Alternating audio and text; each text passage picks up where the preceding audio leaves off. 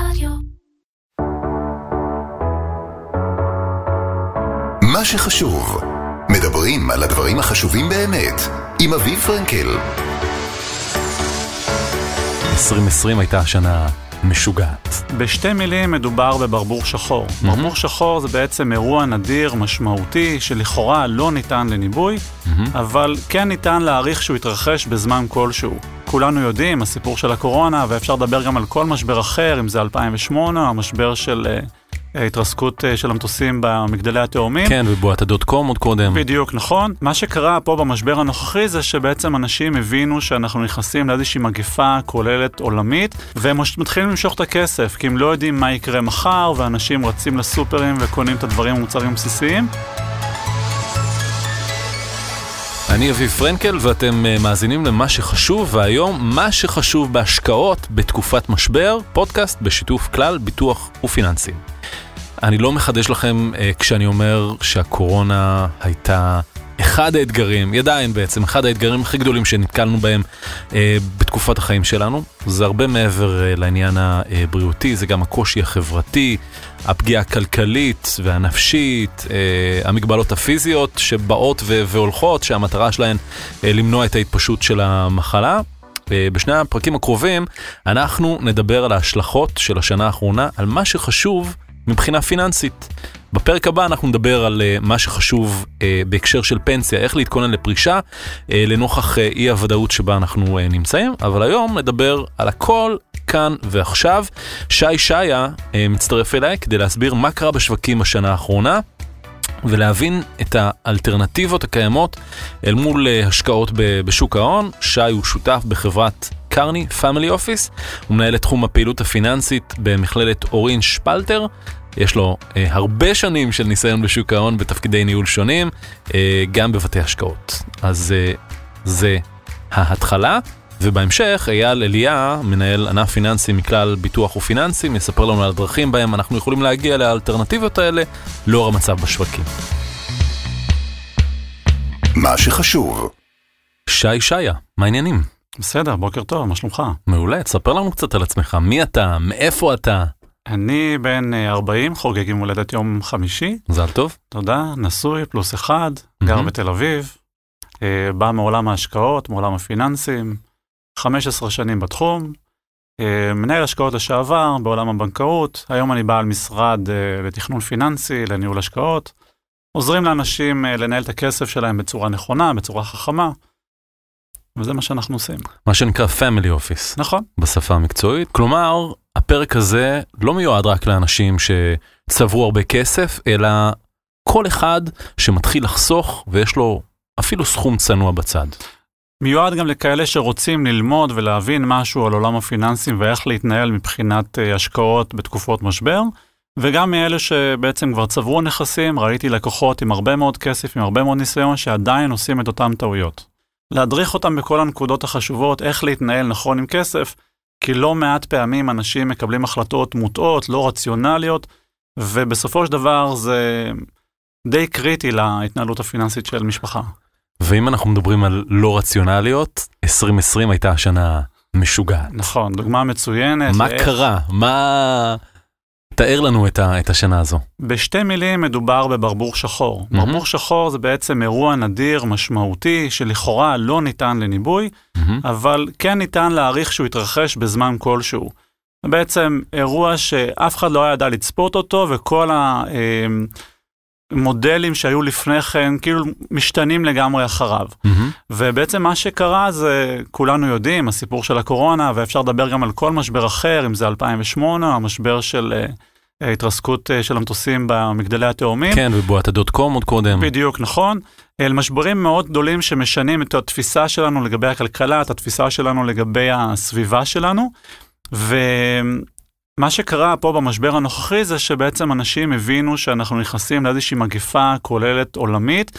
אנשים יושבים בבית ונמצאים בסוג של אה, דיכאון, mm-hmm. והם מתחילים למשוך את הכסף, כי הם לא יודעים מה יקרה מחר, ואנשים רצים לסופרים וקונים את הדברים המוצרים הבסיסיים. רק, רק נחזיר אתכם לחודשים האלה של פברואר ומרץ, הבורסות בכל העולם מתרסקות, תעשיות שלמות נעצרות, תעשיית התעופה, תעשיית התיירות, אנשים לא יודעים מה קורה, רצים א' לסופרים כדי אה, לקנות אה, נייר טואלט, נכון. באופן לא רציונלי, ומתקשרים אה, לבנק כדי פשוט אה, למשוך את הכסף מתוכניות החיסכון ומה, אה, ומשוק ההון. בדיוק, אז אחד הדברים החשובים בהתנהלות פיננסית זה מישהו שידע לנווט את, ה, את הכלכלה המשפחתית בצורה נכונה. כי ברגע שאנחנו מחליטים מה לעשות עם הכסף בעצמנו, אז אנחנו מוטים מהחלטות שהן לא רציונליות, וברגע שאנחנו רואים את הירידות ואנחנו יושבים בבית ואנחנו אה, מתחילים לדאוג מה יהיה מחר, אז אנחנו מושכים את הכסף אה, מהבנק ומושכים אותו מניירות ערך ומעבירים את הכספים למזומנים, וזה אחרי ירידות של 20 ו-30 אחוזים. מה שאפשר ללמוד ממשברים קודמים, או מה שתמיד אני אומר, זה שאנחנו אף פעם לא לומדים מההיסטוריה. זה, אם יש משהו שאפשר ללמוד מההיסטוריה, זה שלא למדנו שום דבר מההיסטוריה. כן. ובמקרה הזה, הבורסות התרסקו, ומהר מאוד חזרו למסלול בגדול, ומה שקרה זה שכל מי שיצא בירידות, בעצם קיבע את ההפסדים שלו. נכון. והפסיד המון המון המון כסף. נכון, אבל מצד שני אנחנו צריכים לזכור שגם נוצר איזשהו שינוי וראינו צורה של V בשווקים והשוק חזר מאוד מהר. אה, כלכלה זה כמו אה, קטר, כמו רכבת, שצריך אה, לתדלק אותה כל הזמן עם, עם קיטור ושתנוע על המסילה. וברגע שקורה אירוע כזה, משבר מאוד משמעותי, אז כמו רכבת שנכנסת בקיר. ובשביל לגרום לה לנוע מחדש, אנחנו צריכים להזרים כסף שוב פעם לתוך, ה, לתוך השוק. ב-2008, רק לשם השוואה, הזרימו 700 מיליארד דולר בתחילת המשבר בשביל. להניע את הרכבת הזאת. בתוכניות חילוץ של, של הממשל. בדיוק. במשבר הנוכחי הזרימו שלושה טריליון דולר, זאת אומרת פי ארבע יותר בשביל לגרום לכלכלה הזאת לנוע, ולכן ראינו יציאה הרבה יותר מהירה מהמשבר הזה. לכן כל מי שחשב שזה משבר שהולך ללוות אותנו עוד הרבה שנים, ואנחנו, האנושות נגמרה, והיו הרבה מאוד uh, תיאוריות קונספירציה כאלה, בסוף לא התממשו, והאנושות חזקה הרבה יותר מהכל, והבנקים המרכזיים בעולם עשו כל מה שהם יכולים בשביל להזרים כסף. בשביל שהרכבת הזאת תחזור למסילה ותמשיך לנוע. עד כמה אתה חושב ששוק ההון מנותק מהכלכלה הריאלית היום? כי אתה יודע, חברות התעופה עדיין לא חזרו למה שהן היו, אה, אה, גם הרבה ענפים אחרים בכלכלה עדיין מדשדשים, לעומת זאת מגזר הטכנולוגיה פשוט פורח. כן, אז אה, זה לא שיש ניתוק, פשוט שוק ההון צופה פני עתיד. ואנחנו רואים בעצם בשווקים את מה שצפוי לקרות בשנים הקרובות. לפעמים זה בסטיות תקן הרבה יותר גבוהות. גם כשהתחלנו את המשבר, אז אנשים משכו את הכסף והיו רידות יותר חדות ממה שבעצם היה בפועל. Mm-hmm. וכשהתפרסמו הדוחות הכספיים של רבעון אה, ראשון, ראינו שהמכה לא הייתה כזאת גדולה. וכשראינו את החזרה, אז גם פה הייתה מעין איזושהי אופוריה שהשווקים חוזרים שוב פעם למסלול אולי מהר מדי. לכן גם כשהיינו בתחתית, אולי זה היה תחתית נמוכה מדי, והיום כשאנחנו נמצאים ברמות גבוהות, אולי זה גבוה, ואף אחד לא יודע מה יהיה קדימה, כי אנחנו לא יודעים לצפות מה יהיה קדימה, זה תמיד טעמי המשקיעים. אז דיברנו על האנשים שנכנסו לפאניקה ובעצם משכו את כל הכסף וקיבעו את ההפסד של עשרות אחוזים אה, מהתיק שלהם. אה, מה אנשים באופן כללי צריכים אה, להבין עכשיו? כי את הגלגל הרי אי אפשר להחזיר אחורה, מי שקיבע את ההפסד הפסיד. מה אפשר לעשות קדימה? אפשר ללמוד uh, מהטעויות שעשינו עד היום, וזה אומר uh, להתנהל נכון פיננסית. וכשאני אומר להתנהל נכון פיננסית, זה כמו שכואב לנו, אנחנו לא מאבחנים את עצמנו, למרות שחלקנו פונים לגוגל. רצוי שיהיה לנו מישהו שיעזור לנו להבין איך להתנהל בסיטואציה הזאת. ואני אשאל אותך בחזרה, יצאת לטיול ג'יפים, נתקעת בשטח, מה הדבר הראשון שאתה עושה? Mm-hmm. יש לך ניחוש? מנסה להיחלץ. תוציא פקל קפה. כן. קורה כזה משבר, קודם כל תוציא פקל קפה, ת, תבין את הסיטואציה, תראה איפה אתה עומד, ורק אחרי זה תחשוב איך אתה מתנהל. ומה שקרה במשבר הזה זה שאנשים פשחו, פשוט התנהלו בצורה, כמו שדיברנו קודם, לא רציונלית, ומשכו את הכסף שלהם. ופה מה שאני אומר זה, תבינו את הסיטואציה, תתייעצו עם אנשי מקצוע, תבינו מה צריך לעשות, והכי חשוב זה להתאים את רמת הסיכון לטווח ההשקעה. אם הכסף מיועד לפנסיה, ואת זה גם ראיתי, אנשים שהכסף שלהם מיועד לעוד 30 שנה, המשבר הזה הוא לא משמעותי בכלל בטווח ארוך. אנחנו מסתכלים על טווחים מאוד ארוכים, וכל משבר כזה, בסופו של דבר, יעבור, יחלוף, והשווקים והחברות יחזרו, ויהיה לנו עוד חברת גוגל ועוד פייסבוק בעשור הבא, ואנחנו תמיד צריכים להיות בשוק. אסור לנו לתזמן ואסור לצאת מהשוק. Mm-hmm. זו בעצם העצה הראשונה, אל תנסו לתזמן את השוק, תתאימו את רמת הסיכון לטווח ההשקעה שלכם. אתן לך למשל דוגמה, בשיא המשבר, אה, פנה אליי לקוח ואמר לי, אני רוצה להוציא את הכסף. ניסיתי לשכנע אותו, והוא באמת על אחד מהלקוחות הבודדים שלא יכל ולא ישן בלילה, ובסוף מרץ אה, ביקש לפדות את הכסף. כמובן שרוב ה... כמו שאנחנו יודעים, השוק חזר כלפי מעלה. אה, לא מזמן הוא מתקשר אליי ואומר לי, תראה, אני רוצה לחזור ל-100% מניות. אז ככה לא מתנהלים, וזה בסופו של דבר מה שנקרא הכסף הטיפש שחוזר חזרה אחרי העליות. אנחנו mm-hmm. צריכים להבין שדווקא אחרי הירידות, זו ההזדמנות לקנות נכסים. אז אם הדבר הנכון לעשות... כי המחירים לעשות... זולים. נכון. זה הזמן להזרים עוד כסף ולהגדיל את התיק. בדיוק, כשהמחירים נמוכים, כמובן אם יש כסף פנוי. אבל ב- זה לא קל לאנשים לראות את מה שקורה בסביבה ולהיכנס אה, אה, לשוק המניות. אה, היו אנשים שפגשת שהיו אמיצים מספיק בשביל לקנות בזול כשהשוק אה, למטה? היו אבל לא הרבה, רוב הלקוחות או ששמרו על הנכסים שלהם כמו שהם ולא זזו, כי למדו כבר משהו מהמשברים הקודמים, ולצערנו אנחנו חווים אה, משברים משמעותיים, מה שפעם היה אחת לדור או אחת ל-20-30 שנה, היום אנחנו חווים אותם כבר אחת לחמש או שש או שבע שנים, אה, ואנשים כבר לומדים, זה לא משהו שהיה בדור הקודם.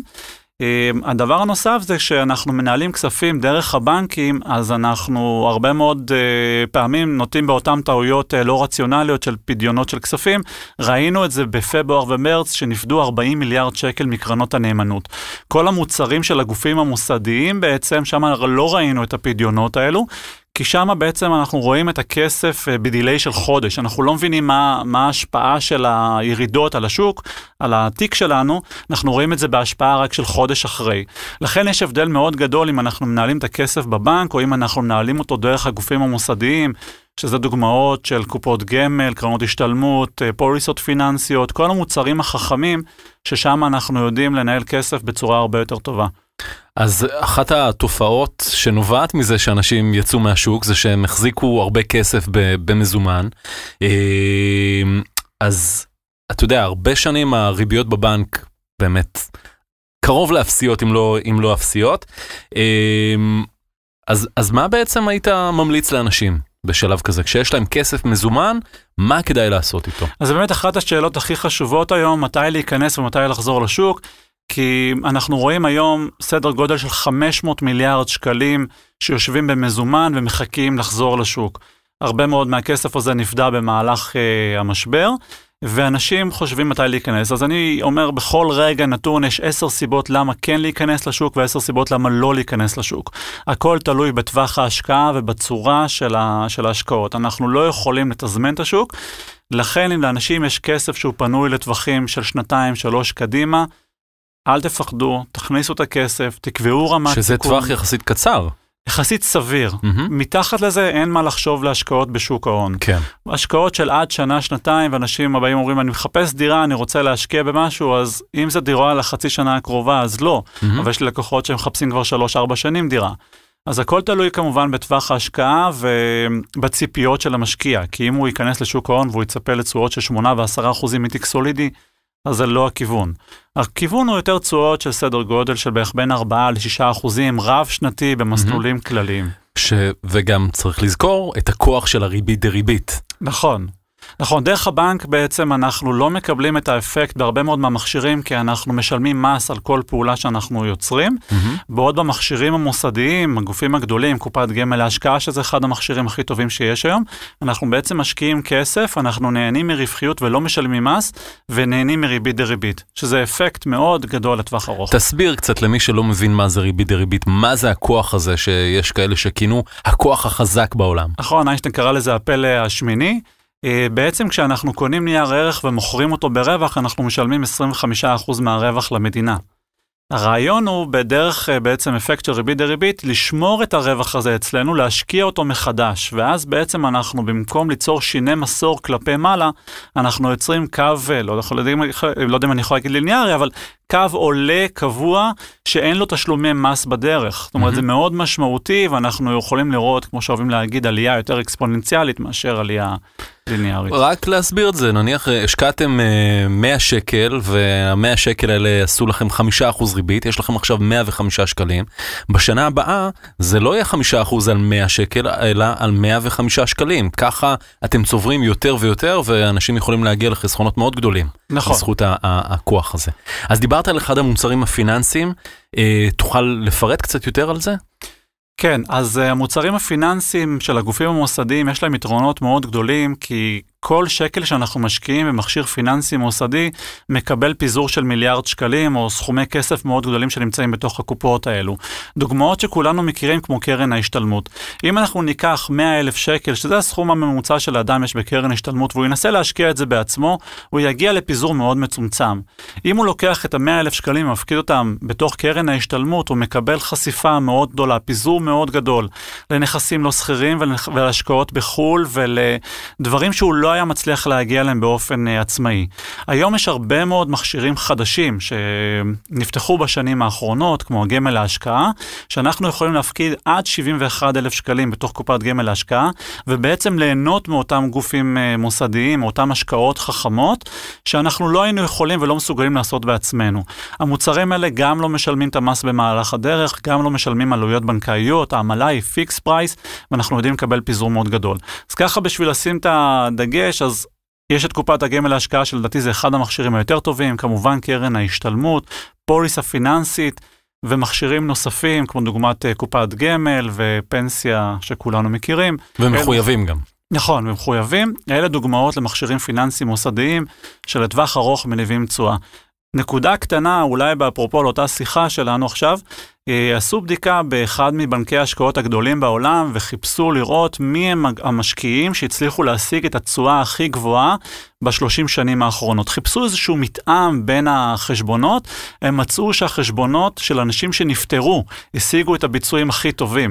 כי בסופו של דבר לא נגעו. לא נגעו בכסף, וזה הדבר הנכון והחכם לעשות. אז דיברת על אנשים שנפטרו, בוא נדבר קצת על, על הדור הצעיר. הרבה אנשים לא רוצים לדבר על כסף, מפחדים מהדבר הזה, על אחת כמה וכמה לא מדברים עם הילדים שלהם ולא נותנים להם חינוך פיננסי בגיל צעיר. באיזה גיל כדאי, יש לך, אתה אבא כבר, באיזה גיל כדאי להתחיל לדבר עם ילדים על כסף ולהסביר להם את המהות של חיסכון והשקעה?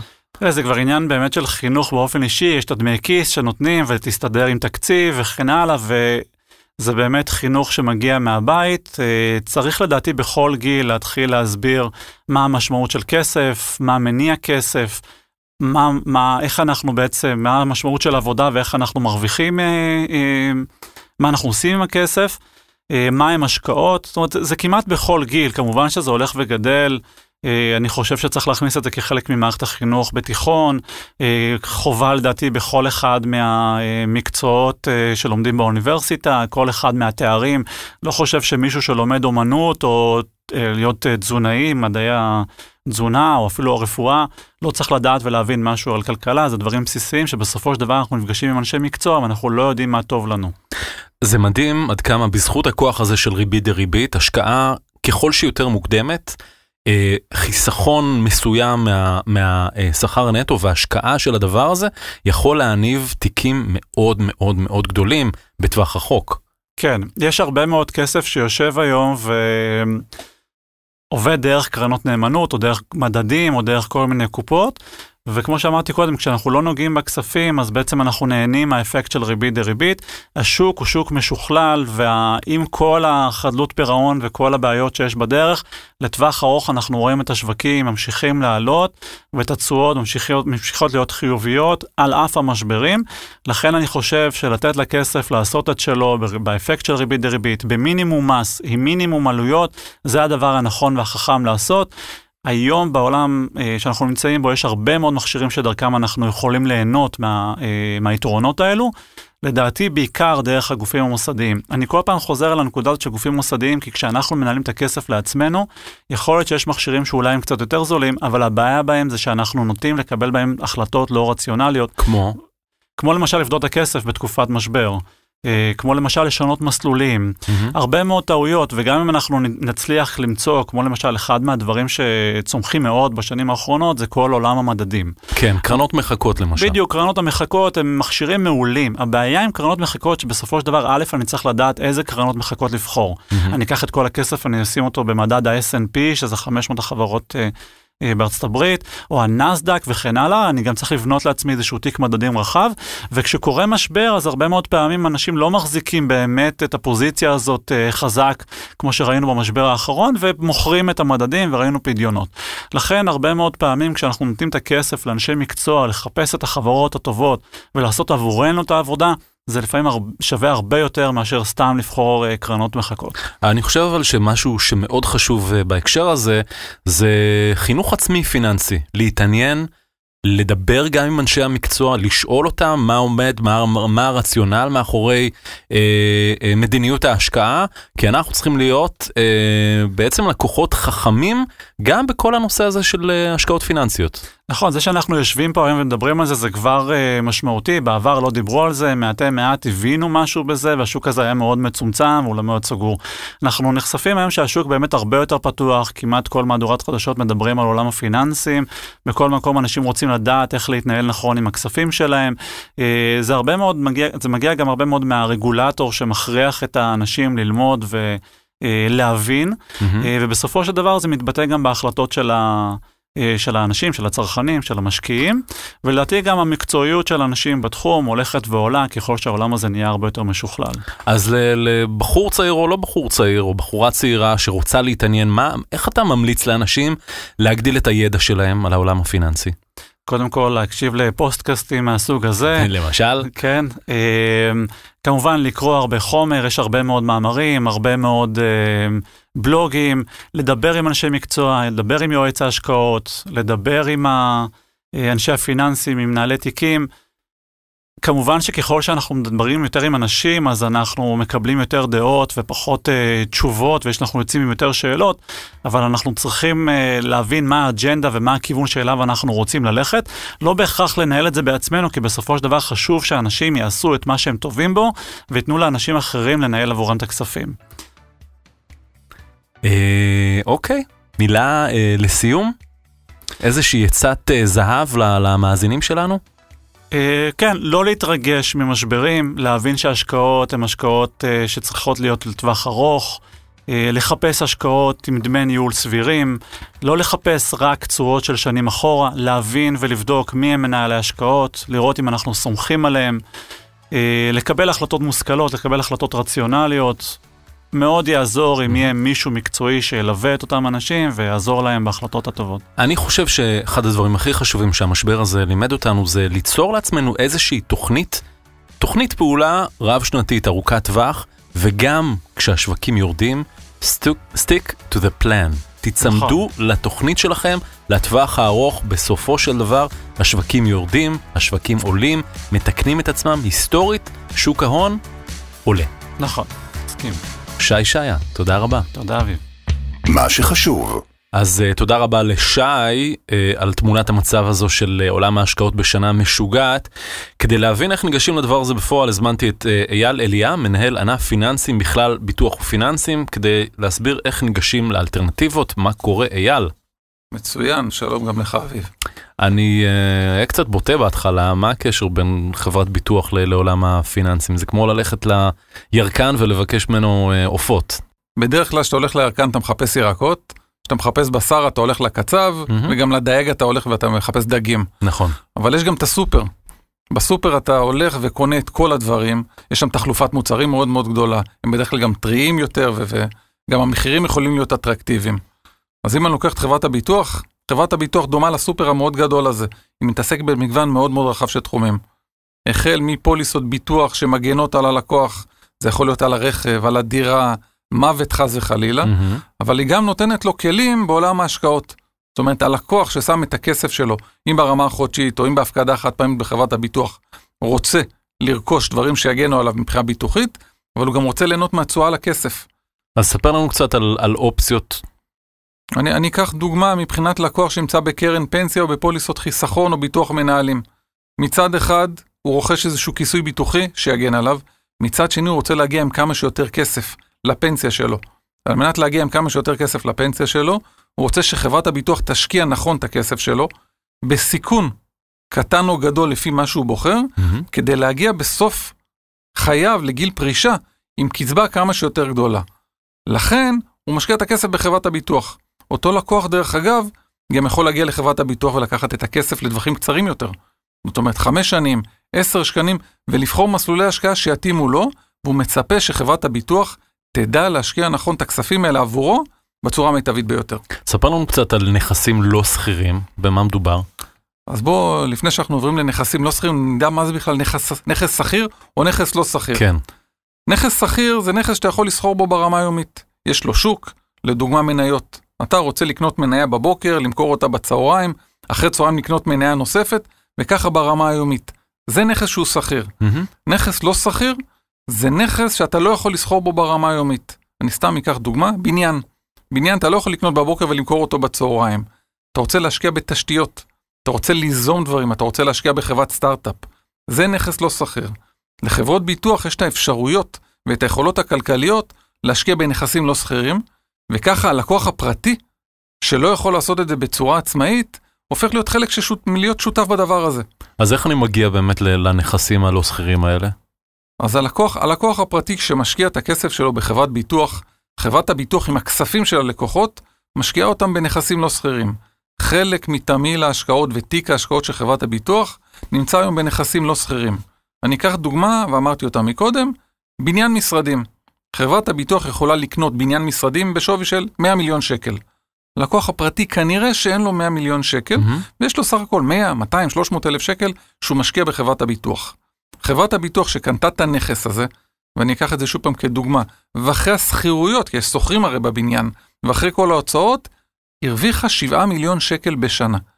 זה לא היא הרוויחה, זה הלקוח הרוויח, כי מדובר בכספי לקוחות. זה אותם לקוחות ששמו את ה-100 מיליון שקל בחברת הביטוח, החברה השקיעה את זה בנכס שהניע, שהשיא לתשואה של 7 מיליון שקל בשנה, זאת אומרת 7 אחוז תשואה לכספי העמיתים, לא לחברת הביטוח, אלא ישירות לכספי העמיתים. איך אני יודע מה לבחור מתוך שלל האופציות האלה? אז מבחינת אם, איך, איך אתה יודע מה לבחור, צריך לדעת ללכת לאיש הנכון, שידע לתת לך את העצה הנכונה, ופה אני אחזיר אותך טיפה אחורנית. כשרצית בשר טוב, הלכת לקצב, מהמם. וישבת עם הקצב, וגם אמרת לו מה אתה צריך. אתה צריך לעשות בשר על האש, אתה צריך בשר לבישול ארוך, והוא יחד איתך בוחרים מה נכון עבורך. אותו דבר גם בניהול כסף. ישנם מספר ערוצי הפצה. ישנם סוכני ביטוח שמתמחים בתחום, בתחום הפיננסים, ישנם יועצים פנסיונים שהם לא תלויים או בבנקים או יועצים אה, פרטיים, או אה, אנשים שעובדים בחברות הביטוח ישירות, והם אלה שעובדים מול הלקוחות. התפקיד שלהם לשבת עם הלקוח, לאתר את הצרכים של הלקוח, לראות מה נכון עבורו. האם זה כסף לחמש שנים, לעשר שנים או לשלושים שנה? האם זה הכסף הפנוי היחידי, או זה תמהיל שלם? מהמם. וככה לבנות לאותו לקוח מה נכון עבורו, וגם איזה מסלול השקעה נכון עבורו. תספר לנו קצת על, על הבדלים בין חברת ביטוח בהקשר הזה, בנק, גופים אחרים. לבנקים יש מגוון אפשרויות. יחד עם זאת, בשנים האחרונות הריבית בבנקים מאוד מאוד נמוכה. לסבר את האוזן, כאשר לקוח מגיע לבנק עם 100,000 שקל או 300,000 שקל, הוא יקבל בבנק ריבית בגדול סביב 0.1% לשנה. בתוכניות חיסכון. בתוכניות חיסכון בפק"ם, כן, מה שאנחנו מכירים פקדונות, פיקדון קצרי קצר מועד. מועד. כן. כשאני מדבר, אני אומר 300,000 שקל על 0.1, זה אומר יבוא הלקוח בתחילת שנה, יפקיד 300,000 שקל, בסוף שנה יקבל 300 שקל. על כל ה-300,000 שקל שיש לו, שהוא צבר וחסך במשך, במשך המון שנים. לעומת זה, אם אני אקח את חברות הביטוח, יש דבר שנקרא פוליסות חיסכון. בפוליסת חיסכון הלקוח, יחד עם היועץ שבודק יחד איתו את הצרכים שלו, יכול להשקיע ממסלולים של 0% מניות ועד 100% מניות, עם שילובים שדיברנו מקודם על נכסים לא שכירים ועוד מגוון מאוד מאוד רחב. אני אקח דוגמה את המסלול הכללי בחברות הביטוח, שבשנים האחרונות התשואה שלו הייתה בין 4 ל-5%. זה אומר אותו לקוח, במקום ה-300 שקל לשנה, יכל להרוויח בין 12 ל-15 אלף שקל לשנה.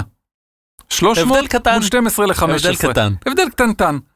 אז זה דבר אחד מול פקדונות בבנקי, בבנק. דברים נוספים שיש לך היום גם בבנק, אתה יכול גם לרכוש לבד מניות. לקוח יכול להגיע לבנק, לרכוש מניה, למכור את המניה, מהמם. או לקנות קרנות נאמנות, אבל צריך מומחיות לדברים האלה. וב', הדברים האלה גם עולים יחסית הרבה כסף ללקוח. הוא רוכש, הוא רוכש מניה, יש לה עלות קנייה. הוא מוכר מניה, יש עלות מכירה, יש דמי משמרת, יש מגוון מאוד מאוד רחב של עלויות בבנק, שהלקוח צריך לדעת ולהיות מודע אליהם. לעומת זה בחברת ביטוח, יש לו דבר אחד שנקרא דמי ניהול. הדמי ניהול הם אטרקטיביים, והם מכסים מבחינתו את כל הדברים האלה. אז כל ההוראות של קנייה ומכירה, הכל בעצם נכנס תחת דמי הניהול האלה? הכל נכנס תחת דמי הניהול. בנוסף, ללקוח גם יש מגוון הטבות מס. יש לו יתרונות מס במעבר בין מסלולים, הטבות מס ועוד מגוון מאוד רחב של דברים. לכן, כמו שאמרתי קודם, הוא צריך להיוועץ עם איש מקצוע, לשבת, לנתח, לראות בדיוק מה הצרכים שלו, וככה להגיע למוצר המתאים במיוחד עבורו. יש כלים נוספים ששווה לדבר עליהם? מעבר לפוליסות החיסכון יש את קופת הגמל להשקעה. קופת גמל להשקעה מאפשרת לחוסך עד סכום של באזור 71,000 שקל לשנה, לחסוך כסף שהוא כסף נזיל, וליהנות ממגוון יתרונות. א', מסלולי השקעה מאוד מאוד רחבים, ב', הכסף נזיל לו בכל עת, וג', גם יש לו יתרונות בתקופת הפרישה, שהוא ייהנה מפטור בעת קבלת קצבה לדברים האלה. אבל זה משהו שקיים בחברות הביטוח, ולא קיים באפיק הבנקאי. יש לכם אה, אפשרות גם אה, להתאים את התוכנית אה, לגיל של החוסך? בעצם בגיל צעיר, כשהבן אדם יש לו עשרות שנים קדימה, נניח לחסוך לפנסיה, להמליץ לו על, על משהו שהוא יותר מנייתי, ובעצם להקטין את, ה- את המרכיב הזה בתיק לאורך השנים. אתם גמישים בהקשר הזה? יש הוראה של משרד האוצר שיצאה לפני מספר שנים, שפתחה מסלולים על פי גילאים. עד גיל 50, 50, 60, 60 ומעלה. מהמם. יחד עם זאת, כפי שאמרתי מקודם, צריך להתאים את המסלול ללקוח. כי גם לקוח צעיר ששם את הכסף וצריך אותו לתקופה קצרה, אז צריך להסתכל בדיוק לתקופת הזמן ולהתאים לו את המסלול. יכול להיות שהוא צריך להיות במסלול סולידי, כי הכסף צריך להיות נזיל, מה שנקרא, לתקופה קצרה. לעומת זה, אם לקוח אחר צריך את זה לתקופה ארוכה יותר, אז יתאימו לו את המסלול, במיוחד המתאים עבורו. אוקיי, אייל אליה, תודה רבה. תודה לך. חשוב להדגיש, כל מה שנאמר כאן לא מהווה ייעוץ או תחליף לייעוץ עם אה, מומחה בנושא.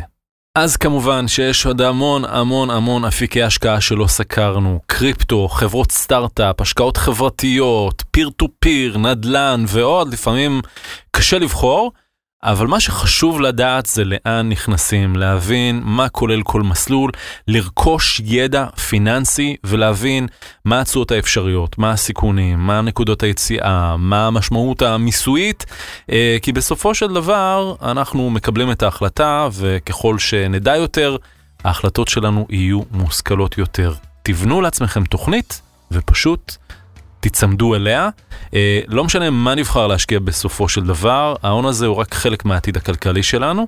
הוא מצטרף אל הפנסיה שלנו, אה, כספים שאנחנו חוסכים ומשקיעים אה, בין השאר בעקבות מדיניות ורגולציה ממשלתית, ואם תשאלו אותי, זה עוד יותר מורכב ומפחיד להרבה מאוד אנשים. איפה הכסף שלי, מה הוא עושה, האם הוא יספיק לי לפרישה ועוד. אז כדי לעשות סדר בבלגן הזה, ובעיקר כדי להרגיע, בפרק הבא אנחנו נדבר על כל מה שחשוב כשמדברים על הפרישה שלנו. אני אביב פרנקל, וזה מה שחשוב. הפודקאסט נעשה בשיתוף חברת כלל ביטוח ופיננסים. ניתן כמובן להאזין לנו בכל הפלטפורמות, בספוטיפיי, באפליקציות הפודקאסטים של אפל ושל גוגל, ולמעשה בכל אפליקציות הפודקאסטים המוכרות. מה שחשוב, הוקלט באולפני ביזי בשיתוף אדיו המשווקת את ספוטיפיי בישראל. רדיו